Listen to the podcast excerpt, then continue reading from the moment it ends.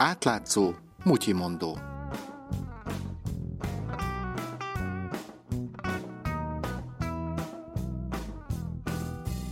Üdvözlöm Önöket, Somodi Dánielt hallják. Két évvel ezelőtt kirobbant egy csalási botrány a mezőgazdasági és vidékfejlesztési hivatalnál. Ez a szervezet osztja ki a magyarországi termőföld tulajdonosoknak szánt uniós területalapú támogatásokat. Az ügy érdekessége, hogy a főbb gyanúsítottakat házon belül találták meg a hatóságok.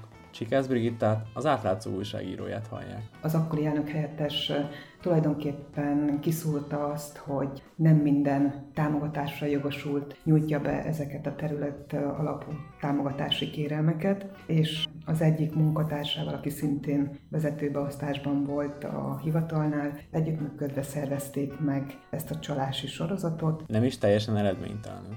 Az volt a terv, hogy az általuk beszervezett külsős magánszemélyek és cégek veszik fel a támogatást a valódi tulajdonosok helyett. Összesen 117 millió forinthoz jutottak hozzá. További 1,4 milliárdot megpróbáltak felvenni, de amikor értesült az akkori elnökhelyettes, hogy esetleg egyeztetések indulnak az adatokkal kapcsolatban, vagy indul egy vizsgálat a támogatás megigényléséről, akkor rögtön visszavonatta ezeket a kérelmeket. És ez lett a vesztük. Mindenféle rizikót el akart kerülni az első rendű vádlott, hogy kibukjon az, hogy ők mit ügyködnek, de igazából pont ez járult hozzá, hogy elindult a nyomozás, mert olyan nagy számban ponták vissza egymás után a beadott kérelmeket, hogy feltűnő lett a dolog. A nyomozás miatt 2013 őszén sokaknak csúszott a támogatások kifizetése.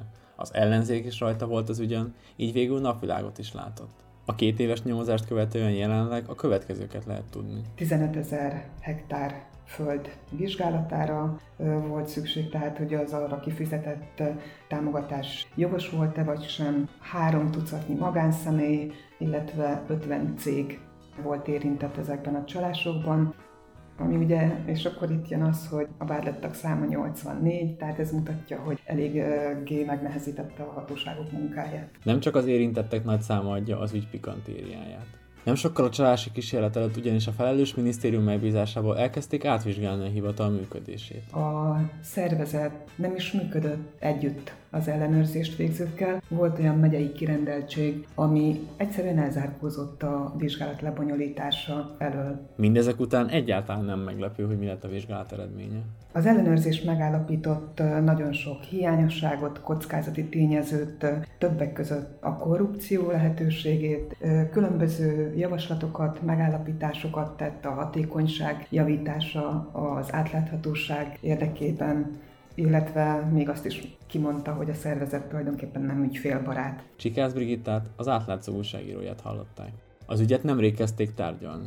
Az alpereseket bűnszervezetben elkövetett, különösen jelentős kárt okozó költségvetési csalással és más bűncselekményekkel vádolják. A mai mutyi mondott Somodi Dániel készítette, közreműködött Mongatilla és Lé Marietta. És végül egy kérés. Az átlátszó olyan témákat dolgoz fel, amelyeket mások elhanyagolnak. Olyan ügyeket tár föl, amelyek sokaknak kényelmetlenek.